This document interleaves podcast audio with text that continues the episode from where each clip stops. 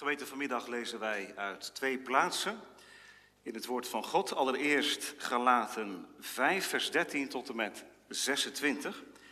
Galaten 5, vers 13 tot en met 26 en daarna 1 Johannes 4, vers 7 tot en met 12. Dus eerst Galaten 5, vers 13 tot en met 26.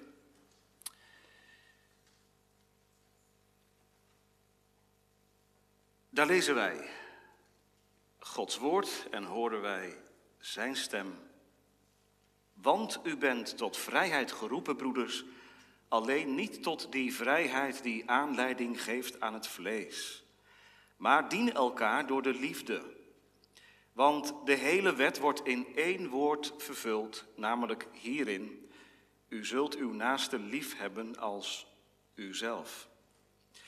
Maar als u elkaar bijt en verslindt, pas dan op dat u niet door elkaar verteerd wordt. Maar ik zeg, wandel door de geest en u zult zeker de begeerte van het vlees niet volbrengen. Want het vlees begeert tegen de geest in en de geest tegen het vlees in. En die staan tegenover elkaar, zodat u niet doet wat u zou willen. Als u echter door de geest geleid wordt, bent u niet onder de wet. Het is bekend wat de werken van het vlees zijn, namelijk overspel, hoererij, onreinheid, losbandigheid, afgoderij, toverij, vijandschappen, ruzie, afgunst, woedeuitbarstingen, egoïsme, oneenigheid, afwijkingen in de leer, jaloersheid, moord, dronkenschap, zwelgpartijen en dergelijke. Waarvan ik u voor zeg zoals ik ook al eerder gezegd heb, dat wie zulke dingen doen, het koninkrijk van God niet zullen beërven.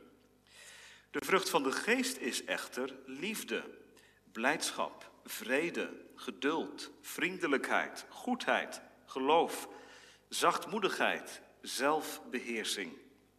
Daartegen richt de wet zich niet.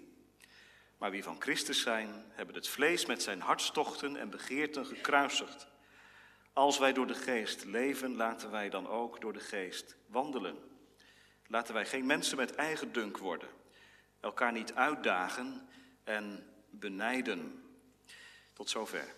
Vervolgens in Johannes 4, vers 7 tot en met 12, waar het aspect van de liefde uitgewerkt wordt door Johannes. 1 Johannes 4, vers 7 tot en met 12. Geliefden, laten wij elkaar lief hebben. Want de liefde is uit God. En ieder die lief heeft, is uit God geboren en kent God. Wie niet lief heeft, kent God niet. Want God is liefde. Hierin is de liefde van God aan ons geopenbaard, dat God zijn enige geboren zoon in de wereld gezonden heeft, opdat wij zouden leven door hem. Hierin is de liefde. Niet dat wij God lief hebben gekregen, maar dat Hij ons lief had. En zijn zoon zond als verzoening voor onze zonden. Geliefden, als God ons zo lief had, moeten ook wij elkaar lief hebben.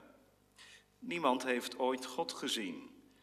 Als wij elkaar lief hebben, blijft God in ons en is zijn liefde in ons volmaakt geworden.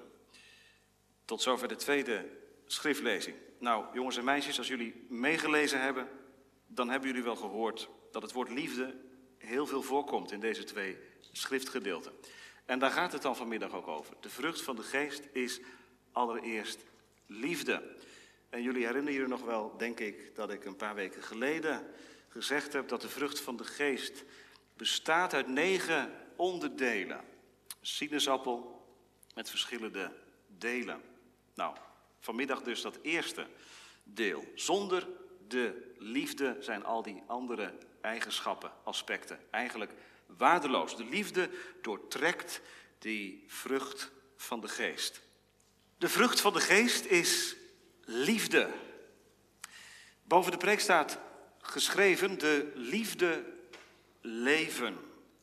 De liefde leven. Twee aandachtspunten. Allereerst letten wij op de liefde van God en dan gaat het om de oorsprong van het Bijbelse begrip liefde. Waar komt dat nou vandaan?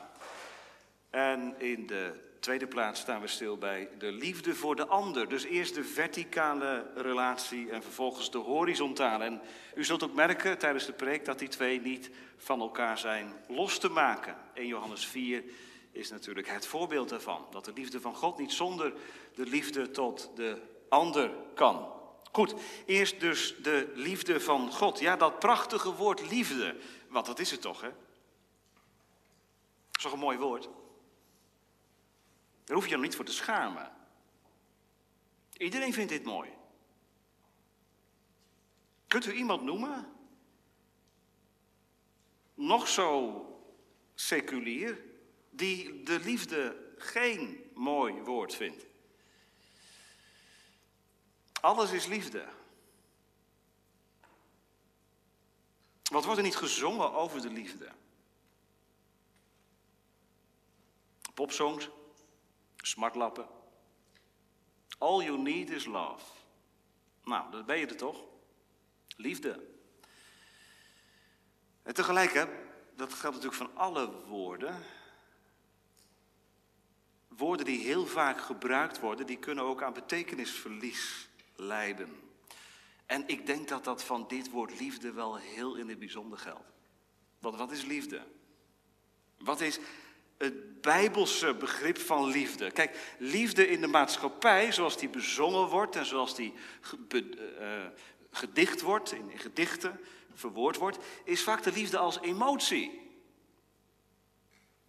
Het gevoel wat je krijgt, de vlinders in je buik, het hart wat op hol slaat, enzovoort.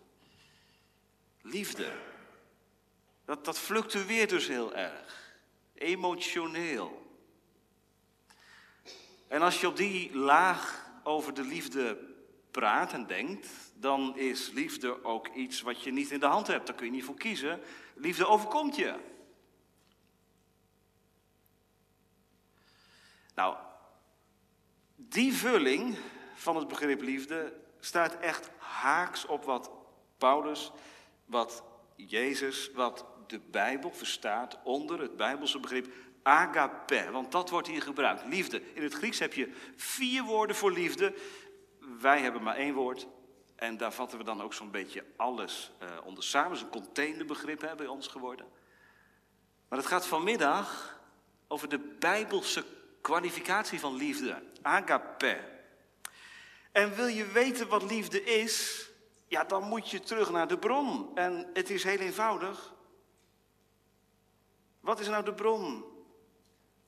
Nou, als u de tekst met mij meeleest, dan staat het er, klip en klaar. De vrucht van de geest is liefde. Het is dus een geestelijke liefde die hier bedoeld wordt. Het gaat hier niet om de karakterologische invulling. Oh, dat is zo'n lieve man. Zo'n lieve dominee. Zo'n lieve ouderling. Nou, dat kan. Er zijn nou eenmaal mensen die voor je gevoel heel aangenaam en prettig zijn in de omgang. Dan ga je graag een avond op bezoek. Kan niet lang genoeg duren. Zo lief. Daar gaat het hier niet om. Het is mooi natuurlijk als je zo'n karakter hebt. Als je inborst zo is en je persoonlijkheid zo'n aangename kant heeft. Daar hoef je nog geen christen voor te zijn. Het gaat hier over het geestelijke begrip liefde. En dan moeten we niet allereerst kijken naar onszelf, zegt Paulus, maar naar de geest. En wat is de geest? De geest is de geest van God. De geest is de bron van de liefde. Nog een stapje terug. God zelf is liefde. Dat hebben we gelezen in 1 Johannes 4. En dan zijn we eigenlijk bij, bij het fundament. Wat is liefde? Schrijf maar op. God is liefde. God is nog veel meer. God is ook barmhartig en rechtvaardig en heilig en goed. Maar de kern van zijn wezen is liefde. En alle andere eigenschappen van God worden doorgloeid van deze liefde. Ik weet ook wel dat die tekst misbruikt is en misbruikt wordt. God is liefde, lievig. Maar goed, het misbruik heft het goede gebruik niet op. Het gaat hier echt over God die liefde is. En als je daar nou over doordenkt, hè, wat betekent dat? God is liefde. Ja, zegt iemand, dat vind ik zo abstract, dominee. God is liefde. Je kunt je toch niks voorstellen bij, bij wat dat dan inhoudt. God is liefde. Nou, wacht even. Wacht even. Wat zei ik aan het begin van de preek? Liefde is geen emotie. Komt wel emotie bij kijken, maar liefde is geen emotie. Liefde is een daad, een handeling, actie. God is liefde. Wat zegt Johannes? Hierin is de liefde van God geopenbaard. Dat Hij ons lief had en zijn zoon zon tot een verzoening voor onze zonden. Dat is liefde. Dus Gods liefde is actie. Is met ter daad liefde geven. En hoe doet hij dat? In zijn zoon, door zijn zoon te zenden. En dat is maar goed ook gemeente. Want stel nou dat liefde echt emotie was. Dat Gods liefde emotie was. Dan zou Gods liefde pas opgewekt worden, aangeraakt worden. Als hij zich over mij ontfermde en zo meelijwekkend met mij begaan was. Dat hij dacht, nou zo'n man, zo'n vrouw moet ik lief hebben. Nee, er is helemaal niets in ons dat God liefde geeft. Integendeel. God is liefde. En ik dan? Nou, de catechismus heeft dat, u kent dat wel, hè, dat zinnetje. Heeft dat heel treffend onder woorden gebracht. Dat wij van nature geneigd zijn niet om God lief te hebben. En dus ook niet onze naaste. Maar we zijn van nature geneigd. We hebben die onhebbelijkheid in ons om de naaste te haten. Dat zit in ons. En het is echt Gods weerhouden de genade als dat er niet altijd uitkomt. God is liefde. Mijn wezen is tegenovergesteld. Mijn kern is zelfliefde. Geneigd God en mijn naaste te haten. En Gods kern is liefde. Eenzijdig. Wordt niet opgewekt door iets in mij. Komt helemaal bij Hem vandaan. Wat een wonder. Als er eentje weet dat dat echt een wonder is, is dat Paulus. Wat heeft Paulus geschreven in Romeinen 5, vers 5 en 6? Liefde van God, zegt Paulus, is in mijn hart uitgestort door de Heilige Geest. Want Christus is voor ons gestorven toen wij nog zondaren waren. Dat is de liefde waar Paulus van leeft. U ook?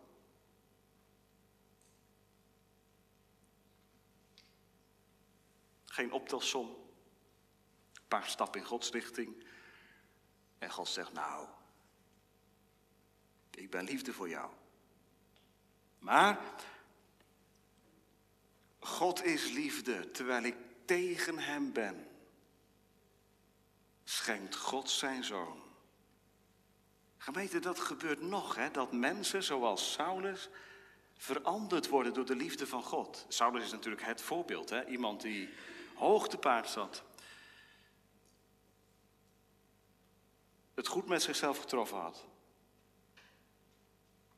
Hij wordt door de liefde van God een ander mens.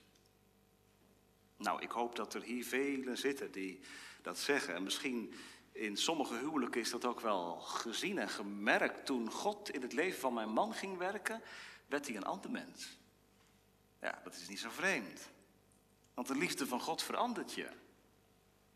De vrucht van de geest is liefde en die liefde komt bij God vandaan. Dus dat maakt je een andere mens. Van het zonnetje in het universum werd je iemand die leefde van genade. Over die liefde gaat het. Nou zegt iemand, maar Iedereen heeft toch wel liefde in zich. Misschien denk je aan je buurman. Die man is zo aardig. Nog nooit zaggerijnig. Je collega, altijd belangstellend. Staat voor je klaar. Leeft niet met God. Maar in zijn leven ligt wel iets op van het beeld van God. Dat klopt, dat is nog steeds zo. Je hoeft geen christen te zijn om toch in je gedrag, in je omgang met andere mensen, iets van het beeld van God onbewust te laten oplichten. Maar het is beperkt, het is begrensd. Het is niet de vrucht van de geest. Het is je persoonlijke houding, misschien wel getraind, cursussen gevolgd, goede opvoeding gehad, gezond zelfbeeld. Nou, tel maar op. Je het goed in elkaar. En zo iemand. Dus een prettige man, prettige vrouw in de omgang. De vrucht van de geest is liefde. Wat is nou het essentiële, wat is nou het wezenlijke aan de liefde? Let op. De meeste mensen hebben lief, u en ik, wij geven liefde omdat. Bijvoorbeeld, je houdt van iemand ja, omdat je hem gewoon waardeert. Of je houdt van iemand omdat je graag in de cirkel van zijn invloedssfeer wilt zijn. Of je hebt iemand lief omdat je hem bewondert. Of je hebt iemand lief omdat je iets gedaan wilt krijgen. Kan natuurlijk ook, hè? Of je hebt iemand lief omdat dat sociaal van je verwacht wordt. Dat is liefde omdat. Maar wat is nou geestelijke liefde? En dan gaan we weer even terug naar de bron. Gemeente heeft God zondaren lief omdat zij iets hem kunnen aanbieden? Nee, Gods liefde is liefde ondanks mij. Ondanks mij. En dat is de liefde waar het hier over gaat. De liefde ondanks. Isaac de Costa dichtte. Alle roem is uitgesloten.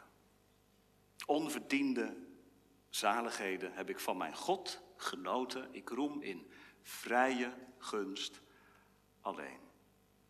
Dat is genade. Gemeente, er zijn dus mensen, ook hier in de gemeente, kinderen van God, die weten wat liefde is, omdat de geest in je woont. Beseft u dat? Dat als u in Christus gelooft, dat de geest in je woont en dat de vrucht van de geest rijpt, groeit, bloeit.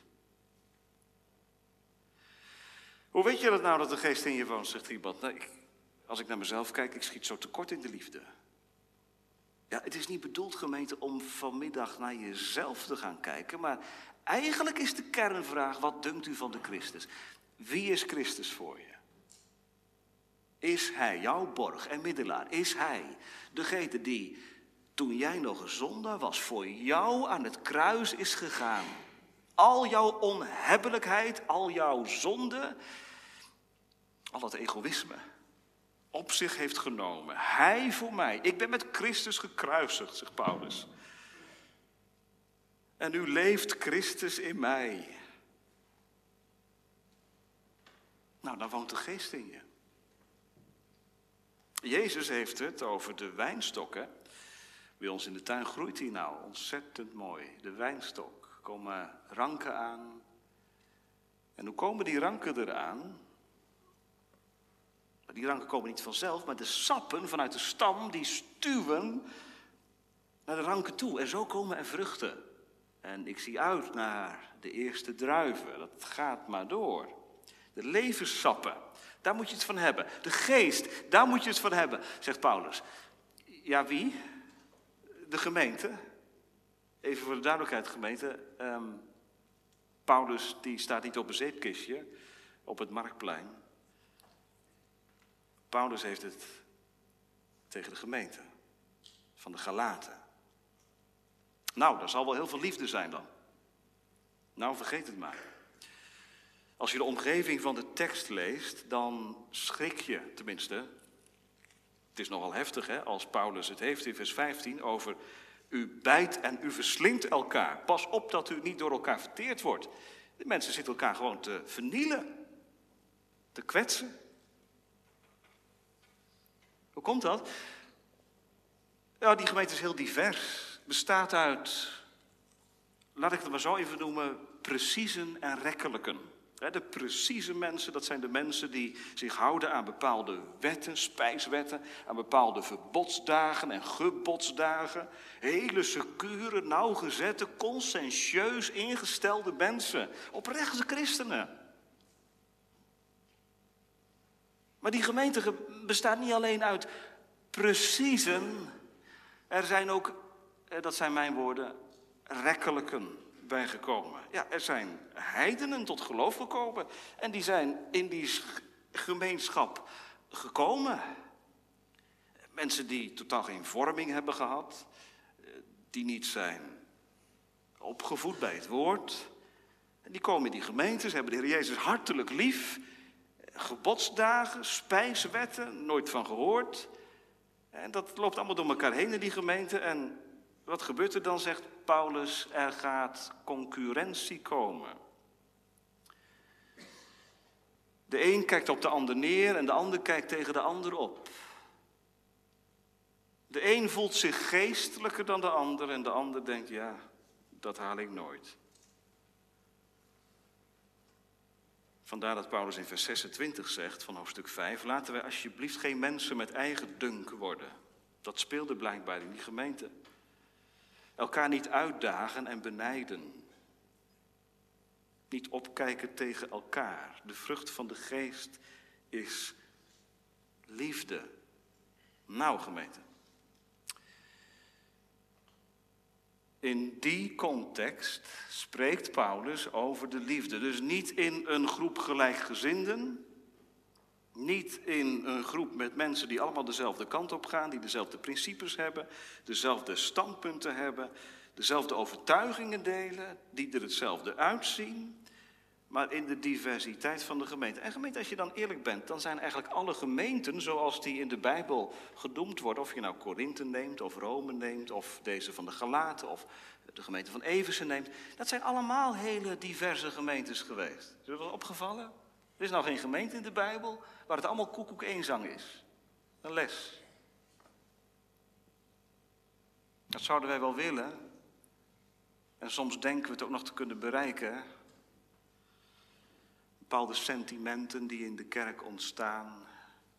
Rond kerkscheuringen. Nu zijn we tenminste af van dat deel. Nu is lek boven water. Ja, dat is natuurlijk onzin. Wij zijn als land helaas bekend om de vele kerkscheuringen. We hebben een dramatische geschiedenis van kerkscheuringen, van verdeeldheid achter ons. En voor ieder wat wil, zou je zeggen. Nou, niet dus. Want al heb je tien verschillende kerken. Ik was vanmorgen op Urk. Nou, op iedere hoek van de straat is een beetje een kerk. Maar dat gaat gewoon door. Kerkscheuringen. Hoe komt dat? Dit is een open zenuw, gemeente. Gebrek aan liefde. Gebrek aan liefde. Liefde is een vrucht van de geest. En als het vlees het voor het zeggen heeft, ook in het leven van een kind van God, dan denk je vanuit jezelf, vanuit je eigen perspectief, dan laat je de beeldvorming groeien in je hoofd en ga je anderen wegzetten en ga je zoeken naar mensen die hetzelfde denken als jij. En daar voel je je dan heel veilig bij. Dat gebeurde in de gemeente van de Galaten. En wat Paulus nou doet, hij zegt niet ik ben voor die of ik ben voor die. Hij wijst de uitnemende weg. De vrucht van de geest is liefde. Agape.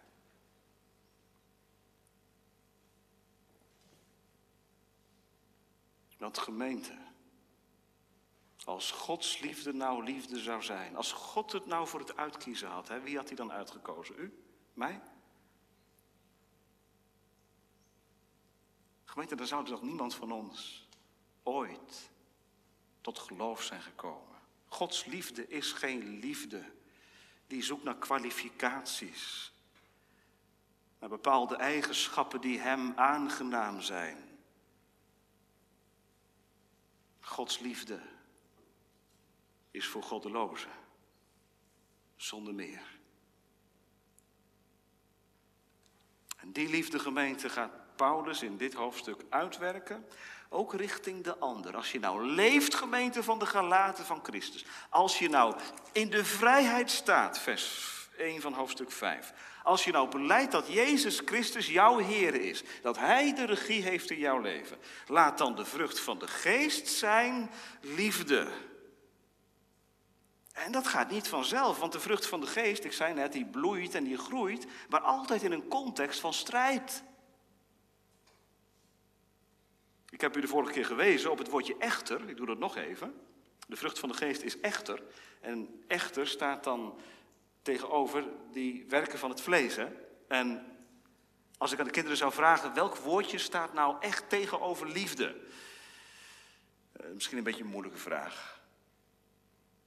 Ik zal het antwoord geven. Het woordje egoïsme, weet je wat dat betekent? Egoïsme, ego, je ik, je ik liefhebben. Je ik zo liefhebben dat de ander er onder lijdt. Opgeblazen. Dat is het tegenovergestelde van Jezus lief hebt, daar heb ik geen last meer van. Want het vlees, dat is nog steeds een factor van betekenis. Daarom zegt Paulus ook in vers 17, het vlees begeert tegen de geest in. Die egoïstische neigingen, ook in de gemeente, die komen eruit. Maar de geest begeert ook tegen het vlees in. Ze staan tegenover elkaar. Kiezen voor jezelf. En het de ander uitnemender achten dan jezelf. De liefde leven. Dat is echt een hele worsteling. En dat vindt plaats altijd weer in een context van mensen die je niet uitkiest, maar die je krijgt. Dat is de gemeente. Als je nou een vriendenclub hebt, dan is het allemaal gezellig en, en goed en aangenaam. Je lacht met elkaar. Maar de gemeente, dat is oefenterrein. Iemand zei eens tegen mij, er zijn altijd mensen die je moeilijk vindt. En weet u, dat zijn genadetrainers. Nou, dat is niet direct een Bijbels woord, maar het is wel een nadenken, denk ik. Hè? U begrijpt wat die persoon bedoelde. Iemand die lastig is voor je, die je liever wat mijt. Dat is een genadetrainer. Nou, zegt iemand, zo iemand haalt het slechtste in mij naar boven. Ja, dat is het vlees. Het vlees begeert tegen de geest.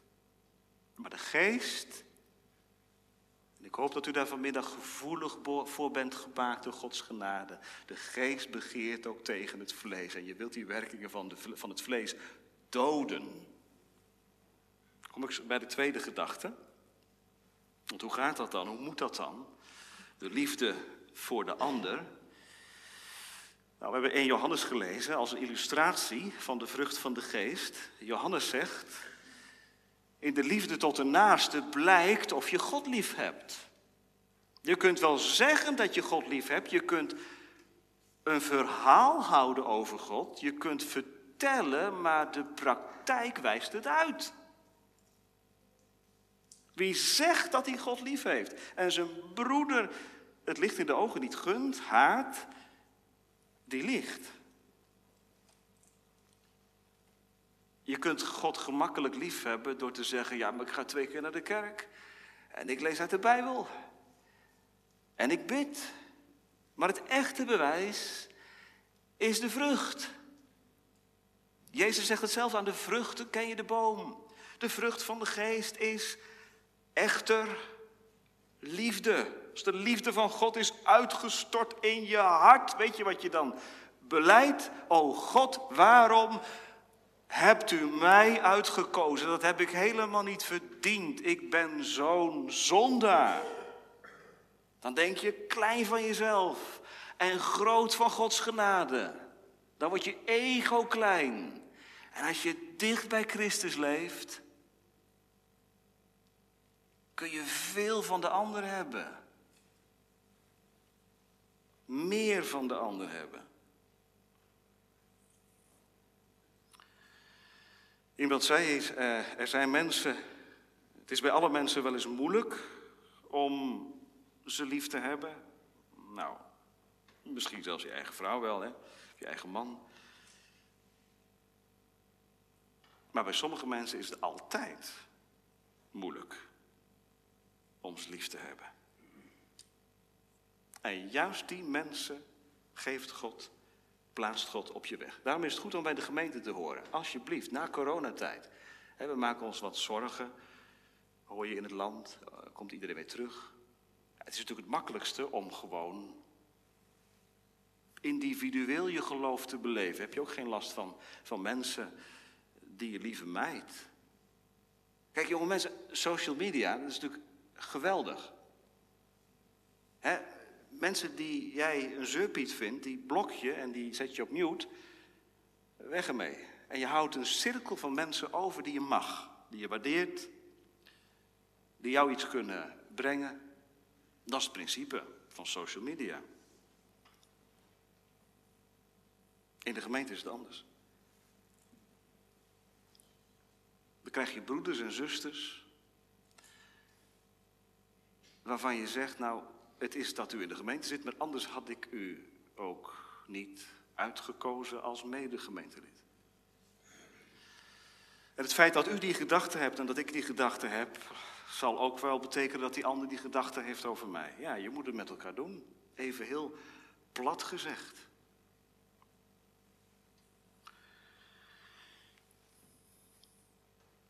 De vrucht van de geest is liefde. De meest nette manier, gemeente, om onder de klem van de liefde vandaan te komen, is om van de liefde een vraag of een probleem te maken. Misschien doet u dat wel onder de preek. Zegt u, ja, liefde, u zegt het is de vrucht van de geest, dus de geest moet het doen. En ja, je kunt toch niet met iedereen door één deur en zo.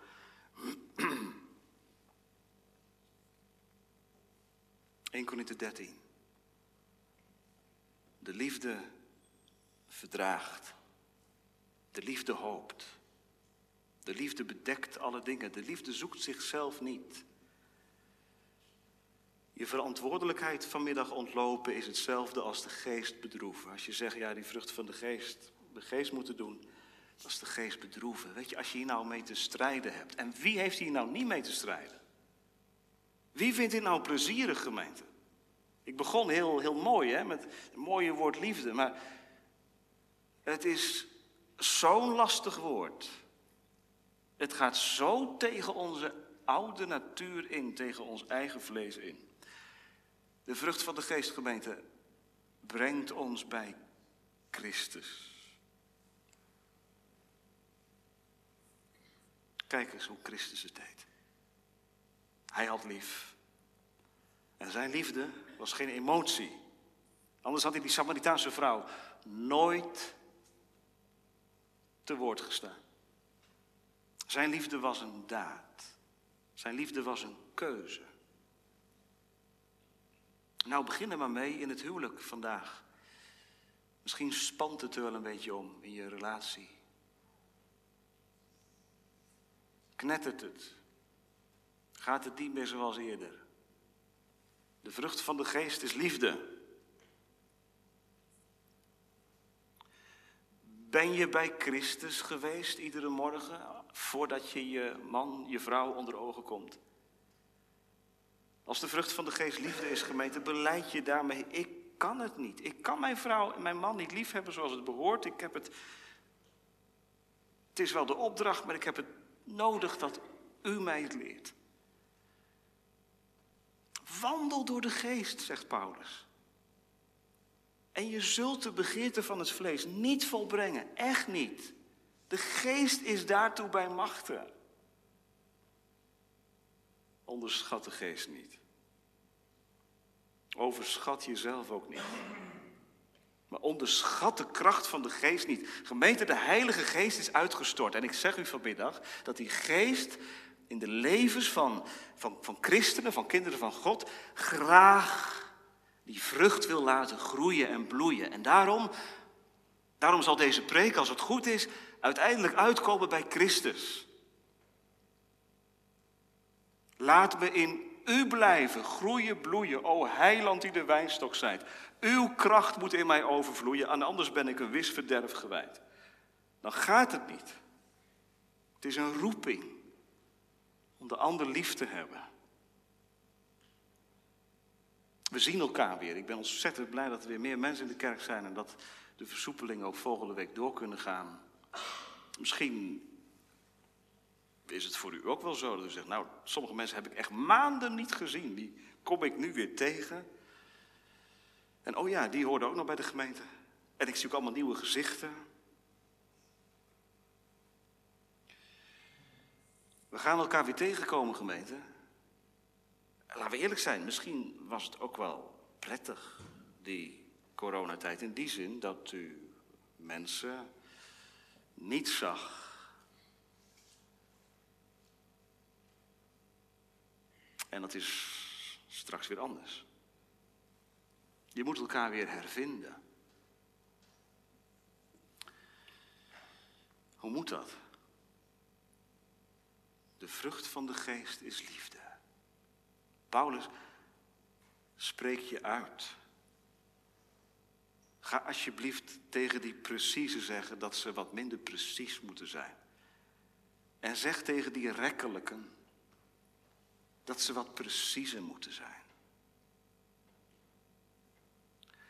Paulus bewandelt de weg van de liefde. Dat deed hij in de gemeente van Rome ook. Daar was, dat weet u wel, hè, een, een strijd tussen de sterken en de zwakken in het geloof. En dan neemt Paulus het niet op voor de een of voor de andere groep, dan zegt hij: aanvaard elkaar zoals ook Christus, Jezus, u aanvaard heeft. Wat betekent dat? Dat u de ander serieus neemt, naar hem luistert. Want u wilt toch ook dat ze naar u luisteren, dat u serieus genomen wordt. Aanvaard de ander niet als concurrent, als een bedreiging maar als een medebroeder, medezuster. Ja, die misschien wel, dat kan hè, een beetje de weg kwijt is, dat kan. Of in een bepaalde ontwikkeling zit, dat kan ook. Aanvaard die ander waarvan u denkt, nou, moet het nou zo strak en zo vormelijk als een broeder in Christus. De liefde zoekt het beste en denkt ook het beste van de ander. Paulus leert andere grammatica kinderen dan je op school leert. Ik heb het wel eens gezegd hè, dat je op school de grammatica als volgt leert: ik, jij, hij. Je gaat altijd beginnen bij ik. Ik loop, jij loopt, hij loopt. En in de gemeente leert God zijn kinderen het net andersom. Het gaat om hem, het draait om hem. En omdat het om hem gaat, gaat het om de ander en dan om mij. Hij, jij, ik. Gemeente de liefde. Het is de hoogste prioriteit. Zeker in de laatste dagen. Weet je wat Jezus zei van de laatste dagen? De liefde van velen zal verkillen. Ja, zegt iemand, ik merk het in de wereld, in de maatschappij. Het is allemaal zo gepolariseerd en de discussies die nemen toe. Nee, wacht even. De liefde zal verkillen. Merk je het in je eigen hart? Het begint misschien met dat ongeïnteresseerde hè? over de ander. Het begint in het huwelijk, als je de ander niet meer ziet staan. Alleen maar oog hebt voor je eigen projectjes, je eigen agenda. Die moet voorrang hebben in je huwelijk.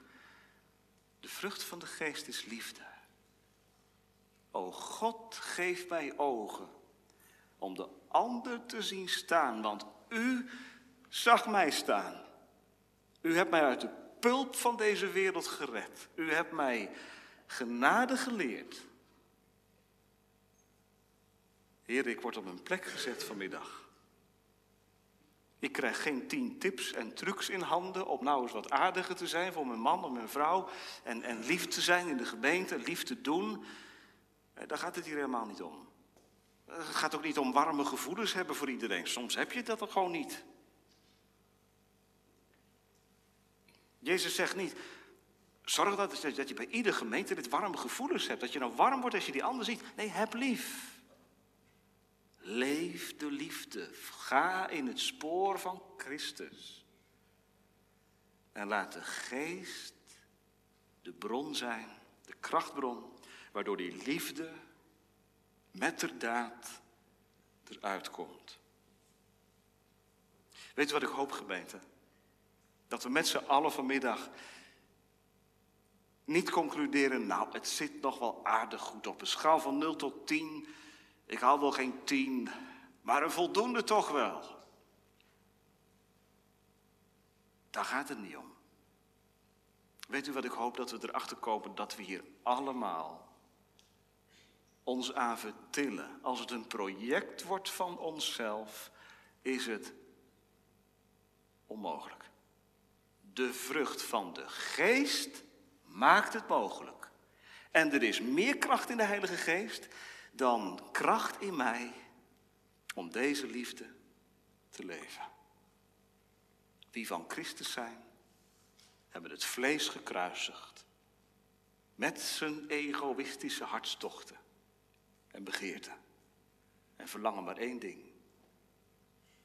Uw liefde in mij overvloeien. Gemeente, je wordt er niet alleen een ander mens van, maar de ander wordt er ook gelukkig van. En Gods naam, daar gaat het uiteindelijk om, wordt er door geprezen. Als de liefde het wachtwoord is, de kern. Laten wij goed doen aan allen, gemeente. En vooral aan de huisgenoten van het geloof. Laten we niet moe worden goed te doen. Want te zijne tijd zul je oogsten, echt. Je zult oogsten. Als je het niet opgeeft. Vers 8, hoofdstuk 6. Wie in zijn eigen vlees zaait, wie doorgaat. Met alleen maar in die cirkel rond jezelf leven. En anderen van je afmept. Of beeldvorming in stand houdt en daarmee anderen van je lijf houdt. Wie in zijn eigen vlees zaait, zal uit het vlees verderf oogsten. Maar wie in de geest zaait, zal uit de geest het eeuwige leven oogsten. Nou, dat is een belofte. En dan mag je de Heer om aanroepen vanmiddag. En Hij is van harte bereid deze belofte te vervullen in mijn leven. Daarom ga ik naar de kerkgemeente. Om tot rust te komen en om van de liefde van God te leven, van die liefde dronken te worden en de liefde te delen met anderen. Dat is het spoor wat God zijn gemeente wijst in deze tijd. Volg gemeente hem en de weg zal niet doodlopen. En wie hem niet volgt, zal het koninkrijk van God niet beërven. Ik wijs u de uitnemende weg. Naar Christus toe. Achter Christus aan. Het juk op je nemen. Ook het juk van de liefde. Jezelf verloochenen. En de heiland beleiden. Amen.